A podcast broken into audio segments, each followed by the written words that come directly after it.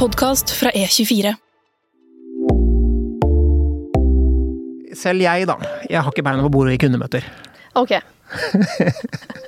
Det er ikke den laidbacken som 'vil du ha noe krill'? Nei. Det er jævla bra krill. Ukens gjest har tatt en noe uvanlig vei til toppen av næringslivet. Etter et halvår på revisorstudiet så ble skating langt mer interessant. Så hvordan endte han opp som administrerende direktør? Velkommen til Voksenpoeng med meg, Nora Rydne, og velkommen i studio, Mats Johansen, administrerende direktør i Kjell Inge Røkkes Krill-selskap, Aker Biomarin. Tusen takk. Er du klar for tre kjappe voksenpoengspørsmål, Mats? Jeg er klar. Fyr løs. Hva er det beste du har gjort for karrieren? Jeg tror det beste jeg har gjort, er å si ja til muligheter. Det åpner seg alltid muligheter, eh, men du må gripe dem når de kommer. Og det er det som kjennetegner min karriere hele veien. At jeg har tatt de mulighetene jeg har fått, og liksom tatt risken og tatt hoppet. Og det har tatt meg dit jeg er i dag. Hva er det beste du har investert penger i? Jeg tror jeg vet svaret. Ja, det er nok Aker Bimarin. Så der har jeg alle mine penger. Og, eh, og det kommer til å bli en veldig god investering fremover også. Hvor mye aksjer er det du har? Cirka en million. Litt 900 000 cirka. Hva er det verste du har investert penger i? Så jeg bodde fem år i Tsjekkia, eh, en del av karrieren min. Og når vi flytta dit, så var boligprisene økte 20-30% i året. Så vi bestemte oss for å kjøpe en leilighet istedenfor å leie en. Og jeg tror vi definerte toppen i den eh, priskurven på leiligheter i det tsjekkiske markedet. Så det ble en veldig dårlig investering. Tror jeg Rett etterpå vi hadde kjøpt den, så krasja markedet med 30-40% Så det er bare her i Norge som vi kan, man kan alltid gjøre det bra ved å investere i eiendom. Nå er jo jeg veldig spent, eh, Mats, på å høre om din karrierereise. Fordi hvis du googler deg, så er ikke det helt klart. Det er veldig sånn Ja, han drev med skating, og oi, så var han toppsjef der. så da du var ung, var det sånn at du tenkte at eh, business, det var det du skulle inn i, eller? eh? Nei, egentlig ikke. Så, og jeg kommer fra en familie hvor business ikke har vært Moren min jobba i barnehage, faren min var fysioterapeut. Så jeg hadde egentlig planer om å bli politi. Eh, Drevet av at jeg ville drive Jeg ville ha litt, likte action, likte å være ute, være i bevegelse, og tenkte at eh, på en måte, politi, da er det mye action, du skal fakke skurker, du skal gjøre mange sånne ting. Og så fant jeg vel ut etter hvert, for det første, at det kanskje ikke er bare så mye action å være politi, det er mye å sitte bak en pult der også. Og så blei jeg opptatt av å tjene penger etter hvert. Du ble det, ja. Og da blei ikke det å være politi så interessant lenger. Ok. Når ble du interessert i penger? Det var nok på videregående en eller annen gang. Hvor, i hvert fall sånn, fra et karriereperspektiv, jeg har nok kanskje alltid vært opptatt av å på en måte, tjene penger og spare penger og telle penger og den type ting, men det var først i på en måte, videregående jeg tenkte at uh, jeg skal velge meg en karrierevei hvor man, man kan tjene penger. Og da valgte du Ja, da, da var det revisor. Ja, det var rett på revisor, ja. Ja, eller det var, jeg var god i matematikk, så rådgiverne mine liksom anbefalte den på, på videregående, anbefalte den retningen. Og i Kragerø så var det på en måte revisoren, han lå alltid på toppen av inntekts... Den der listen som kommer hvert år. Han bodde i det palasset, og han het Larsen, men ble kalt Larsén. Så, så revisor, det var liksom tingen du skulle bli hvis du skulle på en måte tjene godt og ha et godt liv. Larsén, var det, var det liksom kødd, eller gjorde han det selv? Ja, litt vanskelig å si. Jeg var jo ung den gangen, så, men, eh, men i hvert fall, han ble kalt Larsen. Morsomt. Snakket du noe med ham om, eh, om det var det man skulle bli? Aldri. Aldri. Det, hadde jeg kanskje gjort det, og forstått litt mer hva revis, revisjon handlet om, så hadde jeg kanskje ikke valgt den veien. Ja, for hva tenkte du egentlig om revisorstudiet før du begynte? Nei, jeg, jeg tenkte det at jeg er veldig god med tall, så det er jo en jobb som handler om tall. Og det er en karriere hvor du kan tjene gode penger, i hvert fall når du kommer fra Kragerø. Så, så det var det liksom den enkle analysen eh, jeg gjorde da, og så hoppa jeg i gang eh, på det. I Oslo? I Oslo. Begynte på økonomistudiene her, på det som etter hvert blir revisorlinja. Da. Første året er sånn generelt, og så går det over på revisor etter hvert. Ja. Og det tok ikke mer enn et halvår før Før jeg skjønte at det var litt kjedelig. Og jeg tror de fleste som kjenner meg og har jobba sammen med meg i dag, kan tenke at eh, liksom min profil er sannsynligvis så langt unna revisor du kan komme. Jeg kan se deg mer som politi enn revisor, ja. Det Ja. har du rett i. Men hva var det som var problemet? Var det liksom selve studeringen du ikke trivdes med? For du kom deg jo ikke tilbake på skolebenken? Eller Nei. var det selve revisorstudiet? Nei, det, det, var nok en kombinasjon at kanskje jeg var skolelei, og jeg var generelt på en, måte, en utålmodig fyr. Eh, å sitte på skolebenken var jeg egentlig ganske lei av. Kombinert med at jeg, jeg var jo en skater den gangen, og i Kragerø så var vi et par karer som holdt på med det. Så kom jeg til Oslo, og så var det skatere overalt. Når som helst på døgnet. Så kunne du dra ned på Rådhusplassen og, og møte andre skatere, og du kunne Det var helt på en måte liv, nytt liv, som, som åpenbarte seg. Og, og, da fløt jeg ned den elven i stedet, og, og fulgte på en måte den passion som jeg hadde på det den gangen. Ble du god, da? Ja, jeg ble, jeg ble, ikke supergod, men ble så god at det var gøy å holde på med. Og kunne holde på med det liksom timevis uh, hver dag. Så, og jeg likte liksom livsstilen rundt det, og vennskapet som var rundt det, og det var en veldig god tid. Skater du fortsatt, da? Ja da. Du gjør det? Ja, ja. det. På Aker-lokalene der, eller? Ja, så mm, vi som er over 40, vi, vi kommer ut seint på kvelden når alle kidsa har dratt hjem. Så, men, eh, men, eh, enten så drar jeg skatehallen her i Oslo, eller Ute i Bærum nå har det vært litt stengt pga. covid, mm. men, um, men, jeg prøver å holde uh, skatinga litt i, i live. Ja, ikke verst. Det, altså, ja Er det ikke veldig skadeutsatt? jo, og, men, og det er kanskje Det er jo Skating handler om å balansere risiko perfekt. For den eneste måten du gjør progresjon innenfor skating, er jo å ta risiko og prøve noe du ikke har klart. For en gang så må det være den første gangen du prøver triks du ikke har klart før. Eh, og så er det jo på en måte din egen kropp og kalle helse da, som du bruker som equity når du skal ta den risikoen. Så jeg mener jo at eh, både meg selv, men skatere og, og actionsportsutøvere generelt er veldig gode til å balansere risiko perfekt. For å sørge for at man har maksimal progresjon uten å ta mer risiko enn på en måte det det er verdt. Så det er jo noe jeg har sånn seriøst tatt med meg inn i business. Eh, den på en måte kaller risikoviljen og forståelsen av viktigheten av å ta risiko hvis du skal utvikle både deg som person, men også et selskap. Du har ikke vurdert liksom at skating ikke er en sånn næringslivsgreie, og at du må begynne med Birken isteden? For, for, å være ærlig, da, så vil jeg si at de, øl, de tidlige årene i karrieren min, så snakka jeg ikke så veldig mye om skating. Å ja? Holdt du det hemmelig? Ja, eller i hvert fall jeg, jeg bød ikke på det Nei. like mye som jeg gjør nå. Så du kom ikke skatende inn på jobbintervju med Kjell Inge Røkke? Nei, men kanskje da, hadde, da var jeg kanskje kommet litt lengre. Okay. Men la oss si i de kalde tidlig, tidlig 30-årene, slutten av 20-årene, de liksom tidlige delene av karrieren, så tror jeg ikke det var alle som, som hadde nødvendigvis positive assosiasjoner knytta til skating.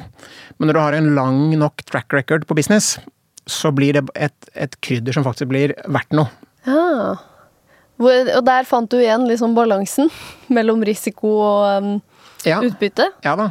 Og det, jo, og det, er jo, en av de tingene jeg har tatt med meg også inn i næringslivet når jeg møter folk og skal intervjue folk, er jo at, at eh, Grunnen til at ikke jeg ville snakke om det, var jo at det var en annerledes bakgrunn. Det var ikke en A4-approach, eh, og jeg var bekymra for at ikke alle hadde akseptanse for at ikke jeg hadde en helt rik, lik profil, som det som du typisk vil ha. Um, så, så, jeg har også tatt med meg det inn i Aker Bimarin i forhold til å være opptatt av å liksom se bak CV-en og være åpen for andre karriereveier inn i Aker Bimarin, og, og annerledes folk som kan bringe gode ting til selskapet. Skatekarriere, var det det du tenkte da du eh, slutta på revisorstudiet? Uh, nei, det var det nok ikke. Det var å ha et morsomt liv noen år. Og det var ikke noe karriere på den tiden på skating. Det var en, en livsstil, kan du si. Mm. Men, uh, men, det var jo umulig å, å få endene til å møtes sånn økonomisk. Så, og prøvde alt mulig, å drive business. Og, men, men, det endte med at man måtte til slutt få seg en jobb uh, for å tjene penger. Og så ble det starten på min karriere. Okay. Ja, for du, du startet opp eh, en, eh, en gründerbedrift knytta til skating først? Ja da, så vi dreiv eh, Ja, to gründerbedrifter starta rundt skating. Så ja. det ene er noe som heter tacky.no. Som igjen, på slutten av 90-tallet, var kanskje Europas ledende sånn medie for brettsport. Snowboard, skateboard, surfing. Eh, veldig stor. Dette var før YouTube og Facebook, men dette var liksom communityen på nettet, hvor du kunne se videoer, og du kunne dele videoene dine og bli en del av communityene online. Og jeg tror veldig mange av de som har vokst opp med skating nå, og som skata på 90-tallet, for dem var tacky viktig. Ok. Så det var en god bedrift. Vi var fem-seks kompiser som starta det, og vi var sikkert 10-15 stykker på det meste. Men så kom Facebook, og så kom YouTube og andre på en måte, kanaler for å dele informasjon og dele bilder og video osv. som er viktig i eh, dette markedet, og så sklei det sakte, men sikkert ut. Men det Vi tok ikke ut noe lønn, men eh, det ga oss en mulighet til å ja, ansette noen folk, ha en business gående, få gratis det vi trengte av utstyr, og materiale, og for å kunne holde på med sporten vår på en god måte. Eksisterer det fortsatt? Nei, det skulle ut. Sorry. Ja, men det eksisterer. Men det Ja. er så vidt i livet. Ah, ok. Hvor, når døde det, sånn for alvor? La oss si kanskje 2007, Ja. 2006, rundt der. Så det har holdt gående nesten kanskje ti år. Ikke verst. Mm. Og så var det noe nettbutikk også eh, utover det, eller var det hovedsakelig det som var skate... Ja, nei, og så starta vi et eh, distribusjonsselskap. Og vi tok eh, import på en del skateboard-klesmerker, utstyr, sko. Som eh, franske merker som vi fikk eksklusivitet for her i Norge. Og så bygde vi et selskap som vi kalte Mora di. og, og bakgrunnen for det var jo at på en måte, den viktigste marketingstrategien du hadde den gangen, det var å sponse skatere. For alle kidsa, når de så en god skater, spurte de hvem er du sponsa av. Og da liksom vår, vår visjon, at da kunne disse skaterne som var på vårt team, som vi sponta, de kunne si 'jeg er sponsa av mora di'. Det er gøy. Ja ja, veldig gøy. Og det skjedde òg. Ja, da vi etablerte det. Ja. Men det blei en fiasko til slutt. Så um, Og det var liksom en av livets harde skoler, men, uh, men um, vi importerte jo da um, klær og utstyr fra Frankrike, fra skateboardfirmaer. Leda av skatere, som kanskje var mer opptatt av skating enn business. Så de varene de kom aldri i tide. Så når det var back to school og du skal ha alt klart før så folk skal handle inn til skolen, skolen starter, eller til julehandelen, kom alltid etterpå. Ah, Og så solgte vi til eh, lokale skateboardbutikker rundt omkring i Norge. Som sleit nok ganske mye med økonomien på den tida. Så det var ikke så mange som betalte regningene sine. Så da tok det ikke så veldig lang tid før eh, det kapitlet var lukka. ok. Jeg skjønner. Og det lærer du at eh, business er kompleks, selv om du mener at du har fantastisk produkt. Og du har en god marketingstrategi som er i tiden og som funker, funker bra. Men så her var det noe med verdikjeden som, eh, som ikke funka, som ikke vi hadde tenkt på. Syns du det var gøy å være gründer? Ja og nei. Det var en lang pause. Ja. For hvis jeg tenker, for etter det så har jeg jo Jeg har, jeg har vært heldig i de jobbene hatt, jeg kunne kom- kombinere en sånn gründerjobbemåte, men med å ikke være gründer. Ja. Ikke? Ikke sitte med all risikoen selv. Nettopp. Så, så det er veldig dumt å være gründer. Og det krever enormt mye. Og de aller fleste, sånn som meg, lykkes jo ikke. Og du bruker masse energi, og det er jo gøy når du holder på. Men i forhold til meg, da, som hadde et mål om at jeg skulle bli suksessfull og tjene penger og konkurrere med Lars Ehn om det største huset i Kragerø osv., så, videre, så så var ikke det så lett. Så, men, men så har jeg vært heldig, for jeg, det, jeg har nok mye en sånn gründerånd i meg, men jeg kunne fått utløp for den i selskaper fremover.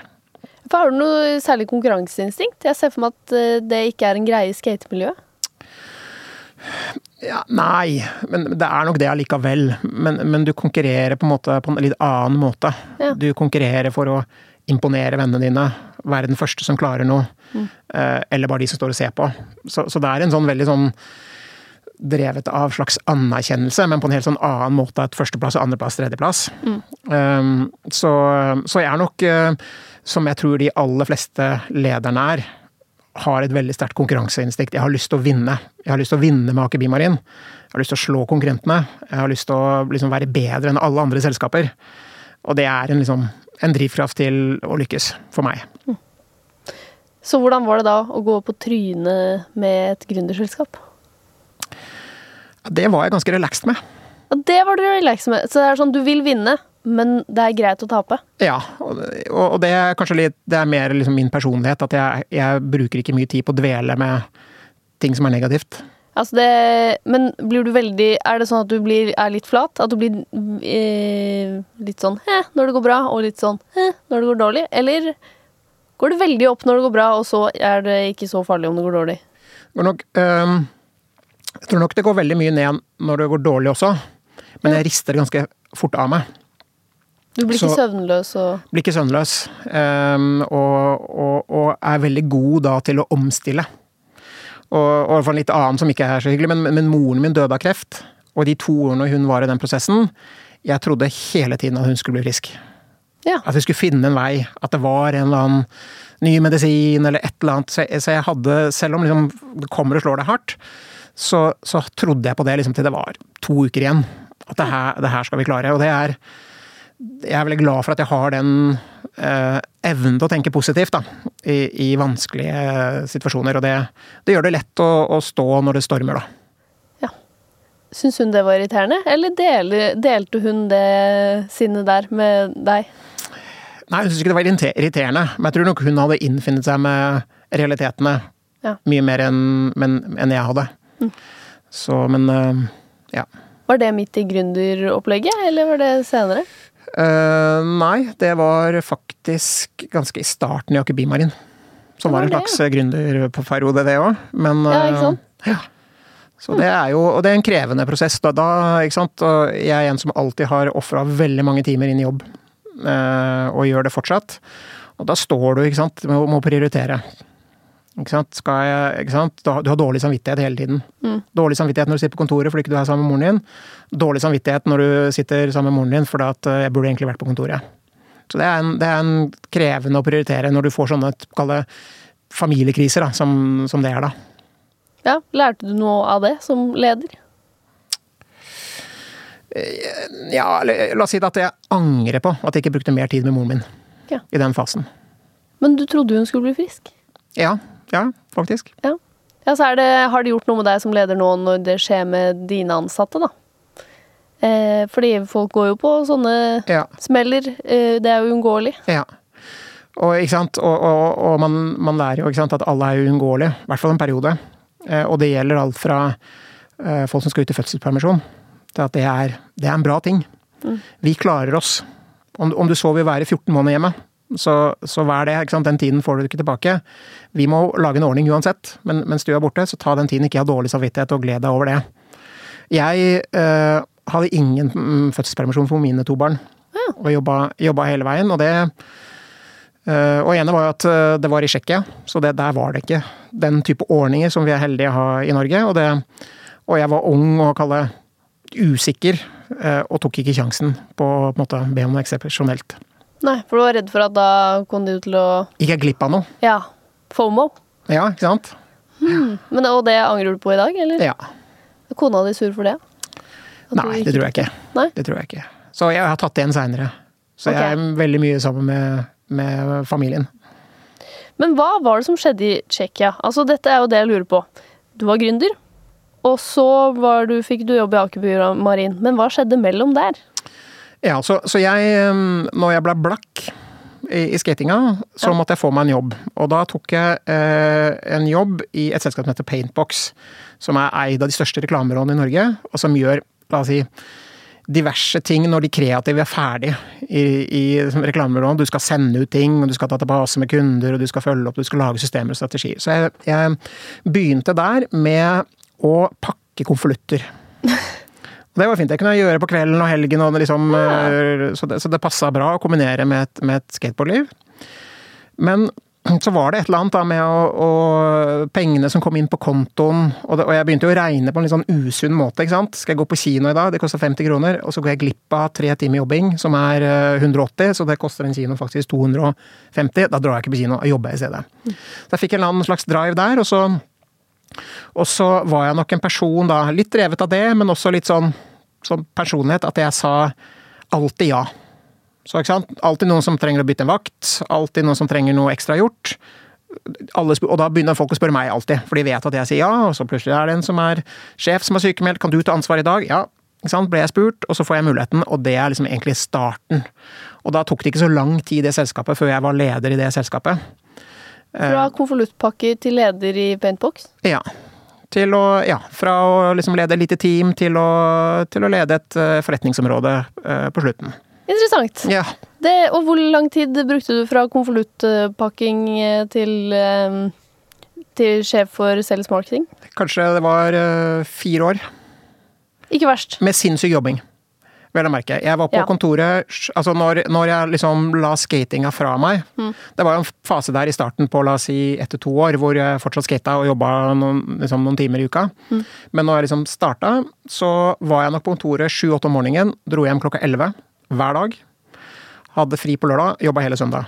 Eh, alle vennene mine var på kontoret. Jeg møtte kona mi på kontoret. Ja. Så hele livet, livsstilen var rundt det. Og det tror jeg er liksom noe som har Og det var vi var jo mange som gjorde det den gangen. Så det var en slags Det var en familie, det. Og vi, ikke sant, på, når fredagen kom, ikke sant, vi var et par og 20, 23.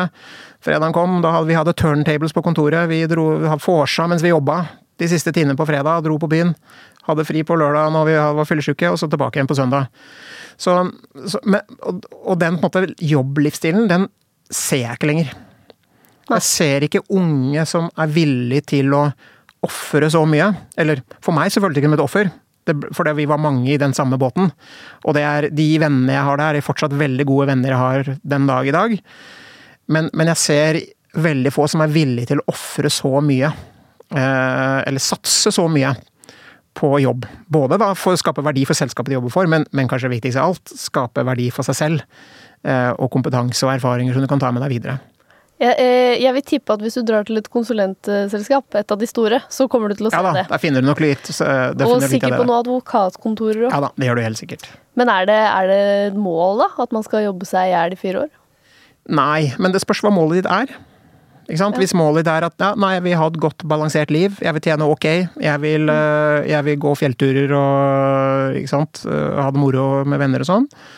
Men hvis målet ditt er at nei, jeg ønsker å ha en karriere, jeg ønsker å nå så langt jeg kan, så er liksom mitt tips til de unge i dag gi alt. Det, det er fire år, du trenger ikke så mye mer. Du trenger ikke ha den livsstilen hele livet. Men det er klart at når du fra ung alder du jobber på den måten, så får du en slags mer robusthet i liksom, evne til å jobbe hardt, også fremover, som er viktig fremover. Så det, det er liksom mitt tips til de unge i dag, er at uh, hvis du ønsker en karriere, bruk de årene hvor du ikke har familie, hvor du er fri. Gi bånn gass. Du, du har venner, du har det gøy på jobb på samme måte som du har på privat, men, men du kommer mye raskere til karrieremålet ditt. Da skal du bli Larsen, så må du gønne på litt. Da må du gønne på. Så hva skjedde i Tsjekkia? Altså, hva skjedde etter at du hadde vært leder der en stund? I eh, Paintbox? Ja, så det som, øh, det som er historien der, at vi Et av de selskapene som øh, vi jobba for i Paintbox, eh, som jeg jobba tett med, det var Tele2. De etablerte seg i Norge på den tiden, og kom liksom fra, fra nowhere. Og vi var nok en ganske viktig del av den suksessen Tele2 hadde raskt. De kom fra nowhere og hadde 20-30% markedsandel i telekommarkedet i Norge i løpet av noen få år. Eh, Og det ble litt lagt merke til i telekom-verden, i hvert fall i Europa. Så vårt prosjekt og det vi jobba med, det vant en sånn pris som, eh, som var sånn VM i ja, kall det business. Um, og så var det sånn da at Tele 2 er eid av Kinnevik, som er ganske sånn Stenbeck, som er litt sånn Kjell Inge-type i Sverige. Sånn uh, legendarisk uh, investor og, og, og gründer. Var veldig tøff med de ansatte. Så når vi da fikk forespørsel om å komme rundt på litt konferanser og fortelle om hva vi hadde gjort, så fikk ikke han i uh, Tele 2 lov til det. For de skulle ikke ut og vise seg på den måten. De skulle være La Familia. Og, og det var bad for business, eh, for da kommer andre og plukker opp de gode folkene. Ah. Så da fikk jo jeg gleden av å gå ut og fortelle om eh, resultatene vi hadde oppnådd. Ja, for de hadde hyra inn dere som Ja, konsulenter? så, ja, så det var vi som gjorde mye, av- mye av jobben Aha. der. Men selv om eh, vel så mye, om ikke mer av æren, lå jo Tele 2 for det som ble gjort. Så da ble det jeg som var ute og tok de eh, konferansene og prata på en konferanser. eh, Ja, etter to år var rundt omkring. Eh, Perfekt måte å markedsføre det selskapet vi hadde. Fikk ny business rundt det. Fikk presentert hva vi gjorde, og da var det en dag en, en jeg hadde møtt der, som ringte. Og lurte på om jeg var interessert Det var konfidensielt hvem det var, men flytte liksom til sentralt i Europa, i en by som begynte med P, på P. Så sier de kanskje litt i min geografikunnskaper, men da tenkte jeg om Sentral-Europa, Paris.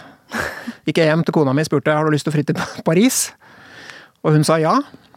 Og så gikk vi litt videre i prosessen, så viste det seg å være Praha Ja. og, og Tsjekkia.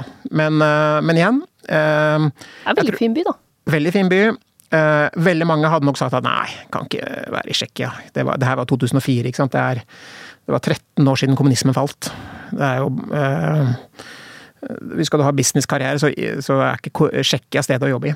Men, men uh, vi tok det valget som familie, og, og jeg med karrieren min, og dro dit. Og det var kanskje det aller viktigste movet som jeg har gjort i min karriere, var å si ja til det. Okay.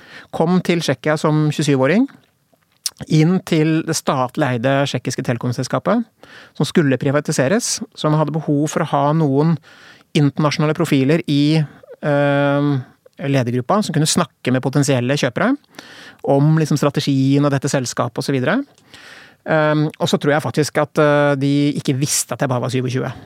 For de så på CV-en min hvor lenge jeg hadde jobba som konsulent, og så, og, og så videre. Så de, jeg tror de tenkte jeg var eldre. Men, men jeg var bare 27. Um, og, og, etter et halvt år ble selskapet solgt til Telefonica, som er spansk. liksom Telenors variant uh, liksom i Spania. Uh, and the rest is history.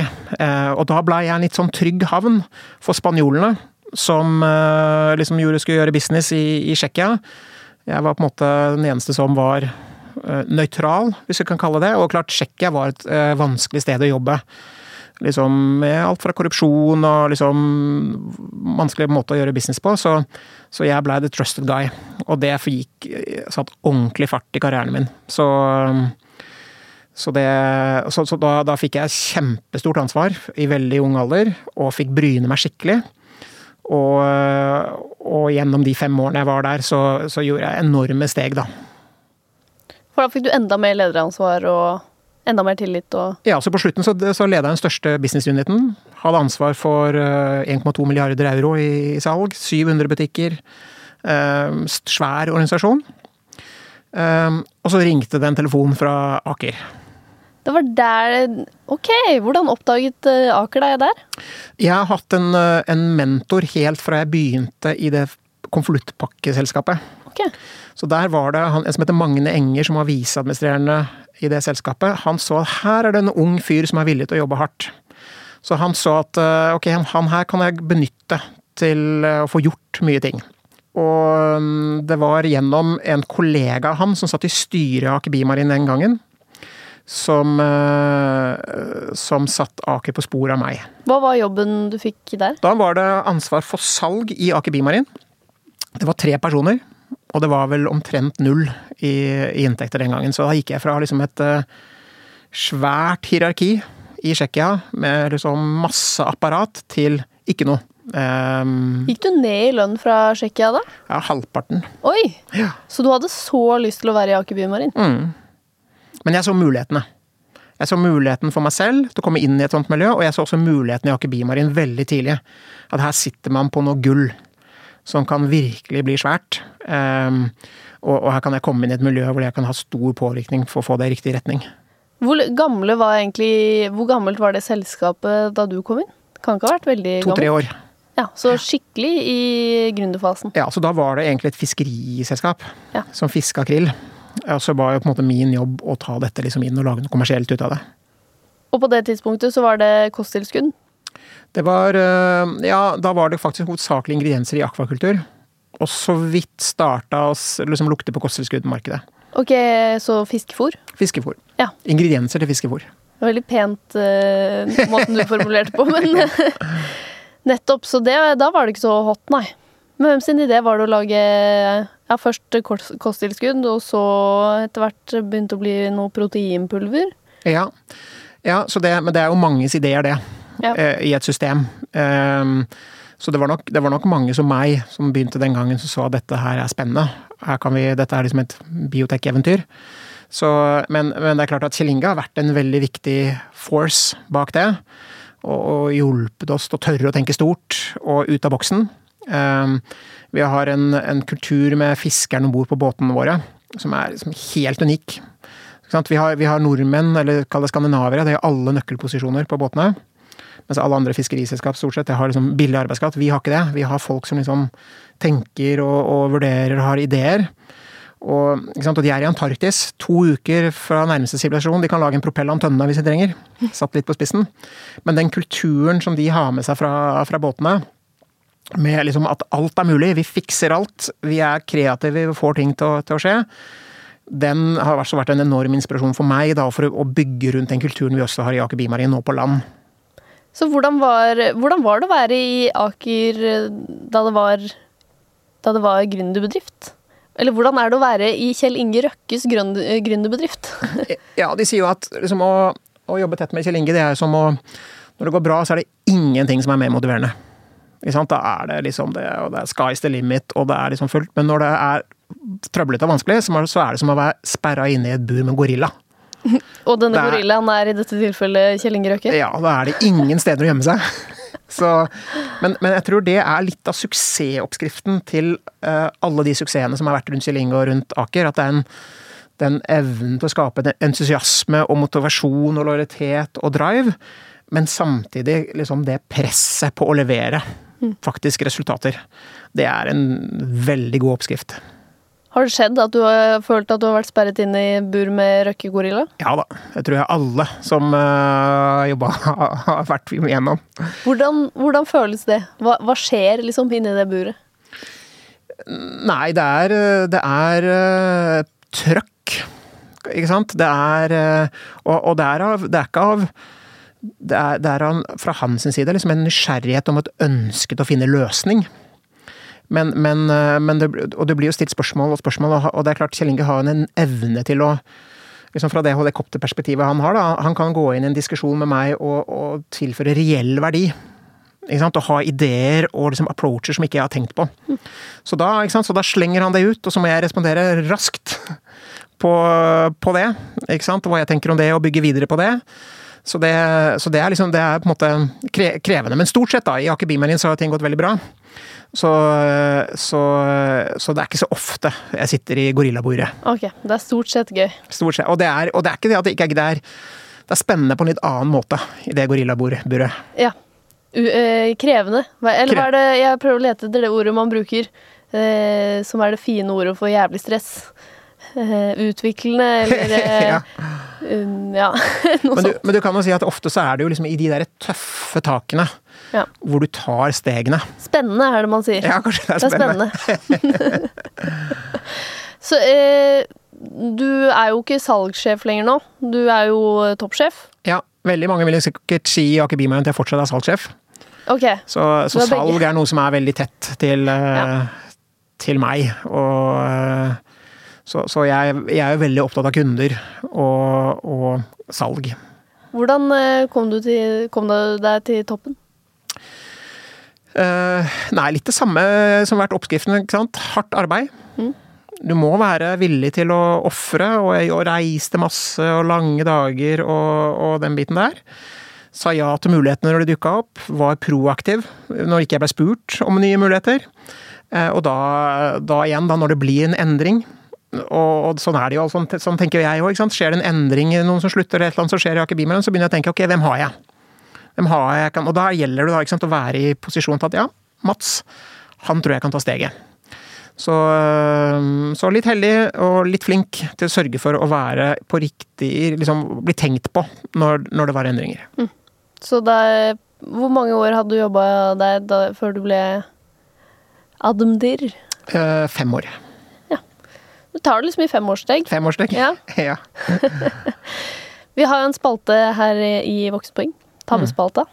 Hva er den største tabben du har gjort i karrieren? Ja Nå har jeg fortalt hele tiden at jeg driver ikke og dveler så Nei. mye med, med, med, tabber og det som går gærent, da. Men, eh, men jeg kan ta et punkt som, som, gikk veldig bra, men som kunne ha gått dårlig. Uh, og det var uh, tidlig i, i Paintbox, uh, i marketing- og salgs outsourcing-selskapet så jobba vi for et av de større uh, IT-hardware-selskapene i verden, men her i Norge. De jobba med en strategi, da hadde Dell akkurat kommet, som solgte direkte og ikke gjennom forhandlere, og alle IT-hardware-selskaper så på nye strategier for hvordan kan vi også skippe forhandlerleddet og, og få bedre priser eller bedre marginer. Uh, og, og, jeg og, og min forretningsområde der, vi hadde fått et oppdrag der og jobba med de i den strategien. Og husk på her, da, selv om det hadde holdt på en stund å jobbe, så var jeg sikkert 24 år den gangen. Og ble sendt til uh, Brussel, hvor det hadde sitt europakontor, for å være med da i diskusjoner med de andre landene for hvordan man skulle gjøre det her. Um, og det gikk jo kjempebra, tenkte jeg. Kjempe, kjempeflott. Men det er klart, det var ikke så mange 24-åringer som var der.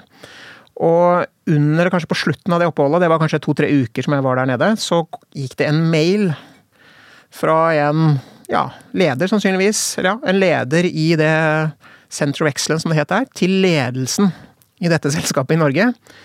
Om at hvem var denne slubberten som de hadde sendt ned? Som var bustete på håret, hadde beina på bordet, og som ikke på en måte bukka og var høflig eh, på samme måte som de forventa at man skulle være. Um, det gikk Men så, så Og det var Jeg var bare meg selv. Ikke sant? Så jeg, jeg var der jobba beinhardt, og, og, hadde, og var ikke slubbert i det hele tatt. Men jeg, jeg, jeg var jo i overgangen skater og, og businessmann. Hadde masse hår som sto i alle kanter. Hadde kanskje litt for stor dress. Uh, og, den dag i dag, det tror jeg alle kollegaene mine på Fornebu vet, at jeg liker å ha beina på bordet. Det har jeg fortsatt. Jeg går i sokkelesten, jeg har joggesko som dere ser her, for at jeg kan ha beina på bordet. Ja. For det er den mest behagelige sitteposisjonen uh, som, som, som, jeg har. Så det er ikke det at det er et uh, disrespekt med, med, å gjøre det, det, bare, det var bare meg. men nå gikk det heldigvis bra. Jeg hadde jobba lenge nok med, med, de folkene til at de ikke kasta meg under bussen i, i, Norge, så, så jeg fikk en liten prat, en lite tips eh, på, på, når du drar ut i Europa. Så er kanskje ting litt annerledes enn åssen det er i Norge. Um, og så tok jeg med meg den læringen videre at uh, man, man, kan ikke alltid være seg selv. Nei, nettopp. Fordi du må faktisk være eh, CEO før du får lov til å ha beina på bordet i møter. Ja, i hvert fall. Du må, du må Kanskje når du skal møte Selv jeg, da. Jeg har ikke beina på bordet i kundemøter. Ok. Det er ikke den laidbacker som 'vil du ha noe krill'? Nei. Det er jævla bra krill. Jeg kan se det for meg litt. Ok, men eh, har du opplevd at uh, noe har uh, kunnet gå dårlig, og så har det faktisk gått dårlig? Ja, masse. Men det er liksom en del av veien til suksess. Jeg bare ta skating, da. Hvor mange ganger har jeg tryna? Ja. Og det er den eneste måten å bli bedre. Og, og, og jeg har jo ikke sant, en saying om å si ja til ting. Så, så øh, organisasjonen i Jakob Imen er jo lei at jeg sier det hele tiden. Men, men jeg, har, jeg, har, lest litt på i hvert fall som litt forskning som viser at vi mennesker vi er satt opp for å ikke ta risiko. Sikkert fra var hulemenn. ikke sant? Vi, fikk du ekstra mat, hadde, ikke noe kjøleskap å putte det, hjalp deg ingenting. Mista du maten din for en dag, så var, kunne du dø. Så, så vi, er liksom, vi, er satt opp for å ikke ta risiko, og i forskning som er gjort, så viser det at vi mennesker vi verdsetter det å miste noe dobbelt så høyt som å tjene det samme. Mm. Så, så, jeg mener at min, min, rolle som leder, og alle andre ledere her ute, det handler ikke om å prioritere. Det klarer organisasjonen veldig godt, å prioritere ting bort. For det sitter naturlig, det er human nature, å si nei og ikke prøve. Så som leder i Aker Bimarin så ser jeg på meg som en av mine største roller er å hjelpe organisasjonen til å ta risiko. Pushe til å si ja til ting. Og da vil 30% feile. Og hvis ikke 30% feiler, så prøver du ikke nok. Hvis du, hvis du setter hvert eneste triks du prøver på skateboard, så prøver du ikke nok. Da vil du ikke komme videre. Og, og det gjelder også i Aker Bimarin. Så derfor så kan du si at 30% av alt du holder på med, feiler.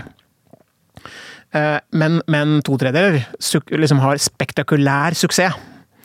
Så, så, det er en del av eh, hverdagen. Ja, og den har du tatt med deg som sjef eh, til Aker? At det er lov å feile, eller? Ja, jeg, ja, det er ikke bare lov, det er liksom naturlov. Forventa. Ja. Du må feile. Ja. Ok. Ja, hva, men hva skjer da, når noen fucker opp, og det er du som har tvunget dem til å ta risiko? Ja, det som er fordelen med det, er at da er det jo jeg som har tvunget dem til å ta risikoen. Så, så, da er det shame on me, på en måte. Og, og ikke shame engang, men da, da, går vi bare videre. Og, og jeg har jo generelt ikke tro på å lære av feil. Og det er jo liksom Det er jo mot alt, som du sikkert har hørt på denne podkasten her før. Men, men, men, og, og, og, man kan si det litt avhengig av hvordan du ser på det. Jeg tror Som en organisasjon så kan du lære av dine feil. Du kan si at ja, jeg burde hatt litt flere folk med den kompetansen på et sånn type prosjekt. Men personlig så tror jeg du kan lære veldig lite av dine feil. Og du kan jo tenke deg selv eh, du eller alle som hører på her, situasjonen hvor folk skal gi deg tilbakemeldinger på ting du har gjort. Det første du tenker at dette er Du har ikke skjønt det. Mm. Jeg har ikke gjort noe feil det var noe annet. Men du, du, nikker og sier ja, jeg skal lære, og, og det er inn å lære å si at du skal lære av dine feil og celebrate mistakes og sånn, men, men, jeg tror som menneske så gjør du ikke det. Du blir bare innerst inne litt ydmyka. Men jeg tror veldig på å lære dine suksesser. Så heller fokuser på de to tredjedelene som det faktisk gikk bra. Hva er det vi lærte av dette som funka så jæskla bra? Og så tar vi med oss det videre i stedet. Men betyr ikke det at du kommer til å gjøre samme feil om og om igjen, hvis du ikke lærer av feilene dine? Nei, for at, uh, jeg, jeg, da gjør jeg det jeg gjorde når jeg gjorde riktig på den ting som ah, var riktig. Ok, du har snudd det sånn, ja. Mm. Jeg syns jo at det, det, virker som dere har bygget en litt interessant kultur i Aker Biomarin, og jeg føler at det virker som du har vært en del av å bygge opp den. For jeg har lest at du ble utfordret av dine ansatte ikke til å løpe maraton eller sykle Birken eller være med i Holmenkollstafetten eller noe, men eh, å være med på hundekjøring. Mm. Og ikke sånn litt lol-tur opp i liksom Østmarka, men sånn skikkelig dritlangt løp i arktisk kulde. Mm. Og det sa du ja til. Ja, det må jeg jo. Når jeg går rundt og sier til alle i organisasjonen min at vi må si ja til ting, så, så har jeg jo ikke noe valg. Eh, så da må jeg spise min egen medisin. Og, det, og, og, bakgrunnen for det er jo at vi, eh, Aker Bimarin, har en, en raskt voksende business eh, innenfor ingredienser til hundefôr. Og, og, vi har involvert oss i den hundekjøringssporten. Dere som kjenner Finnmarksløpet og Femundløpet og, og ja, Iditarod, disse lange løpene som går over dagevis. Eh, med, med de tøffeste hundene som er der ute. Skal du ha studier som kan dokumentere effekt på hunder, så er det litt problematisk, for du ønsker jo egentlig da ikke å bruke forsøkshunder som er i bur, for å dokumentere effekten av ditt produkt som skal gi godt liv for hunder. Så det beste måten å gjøre studier da, er å finne disse hundekjørerne, for de har da 50 hunder hver. Ah. Så da har du nok hunder til at du kan gi halvparten krill, og den andre halvparten ikke krill, og så kan du se hvordan de utvikler seg. Ehm, og, og, det var, og det har vært en, en, kjempeeffekt. Du kunne se med det blotte øyet hvilke som får krill og hvilke som får ikke. Så, det, så, så, en veldig effekt som har vært viktig for oss å lykkes i det markedet. Så det, det er måten måte, hvorfor plutselig hundekjøring kom inn i bildet. Okay. Og så blei jeg jo spurt, da, eller jeg blei ikke bare spurt, jeg blei meldt på. Um, og blei ble, uh, fortalt at uh, nå har vi meldt deg på, er du klar for utfordringen? Og ja, det er jeg selvfølgelig. Og, og det var jo da et relativt lite løp, 200 km, tar et døgn. Ja. Men hadde ikke gjort det før da, så jeg måtte jo øve litt på det. Og så blei jeg med på det. Verste jeg har gjort i hele mitt liv. For det er, du tror at du står der bak og slapper av, men du gjør ikke det. Du løper i bakkene så hundene kan hvile, og du, du står og spenner kroppen hele tiden for å ha, ha, kontroll på det du driver med, og du sover ingenting. Og du spiser knapt. Du, får, du skal ta vare på hundene. Og det er iskaldt. Iskaldt, ikke sant. Det, vannet frøys, så jeg hadde ikke noe å drikke. Mm. Og så er det konkurranse, du kan ikke stoppe å tine vann. Så, så, det var rett og slett et uh, god gammeldags helvete. Men så gikk det liksom en uke eller to, så begynte liksom det vonde å forsvinne, og så de gode opplevelsene kom, komme tilbake. Så, så, da um, tenkte jeg det her har jeg lyst til å gjøre igjen. Og dette er jo sikkert tre år siden, og siden den så har jeg liksom up the game. Så nå, nå var det ikke noe Femundløp i fjor, men jeg var med i forfjor. 450 km, da er du tre døgn. Så da sover du ikke på tre døgn. Hæ? Er... Sover man ikke? Stopper man ikke og sover? Nei, i hvert fall ikke jeg. Nei. Så du har noen pauser. Det som er med de hundene, de kan løpe syv timer, og så kan de sove to timer, og så er de fully recovered. Okay. Så, så du, sto, du, stopper to timer, de sover, de spiser, jeg fikser ting og gjør ting klart, og så er vi i gang igjen. Uh, så, men, så hvorfor gjør jeg det? Så, så det er jo det er to, to, ting som har gjort det der interessant. Det ene er jo at For jeg fortsetter med det, jeg skal være med i Femundløpet nå eh, som kommer nå også. Det har du egne bikkjer nå, eller? Jeg låner bikkjer. Okay. men, men, øh, men det, er, øh, det er et par ting som, som, er fascinerende med det. Det ene er liksom leder, lederaspektet av det. Så De hundene de er jo foran deg, så du er jo på en, en kjelke bak. Så de, er, du leder jo de bakfra. Så de må jo De skal jo løpe for deg. Du er ikke du som går foran og drar de etter deg, på en måte. Um, og du kan jo ikke snakke til de noe annet enn på en måte litt sånn kommando høyre-venstre eller stopp eller osv. og så videre. Så, så, du kommuniserer til de med kroppsspråk. Um, og den hundekjøringen har lært meg enormt viktigheten av kroppsspråk i ledelse. Og det, og det, igjen, Du kan jo bare tenke deg selv, da, hvis du møter sjefen din i gangen her uh, hos, hos, E24, og han smiler og er glad og gir en high five eller uh, liksom sier hei, du får energi. Du blir positiv. Det, det, det gjør at du sikkert performer bedre enn dagen. Sammenligna hvis du møter en bekymra, eh, sur, inneslutta leder. Og, sånn, og i hundekjønnet så skjer det direkte. I det øyeblikket du begynner liksom å deppe og stresse og, og, på en måte være negativ, så går farten ned med en gang. Så det kan man ta med seg. Og det andre som, som, jeg, som jeg har likt ut av det her, det er hvor mye krutt man egentlig har. Så, ikke sant når du har jobba og skrevet og som journalist og student og så videre og vært dritsliten, så kan jeg være kan jeg være helt sikker at jeg har vært enda mer sliten, og det går bra. Mm. Så når, når, du jobber ut i nattetimen, du er dritsliten, så vet du det er mye mer å gå på enn du tror. Setter de ansatte hos deg pris på dette, at du har fått denne innsikten? ja.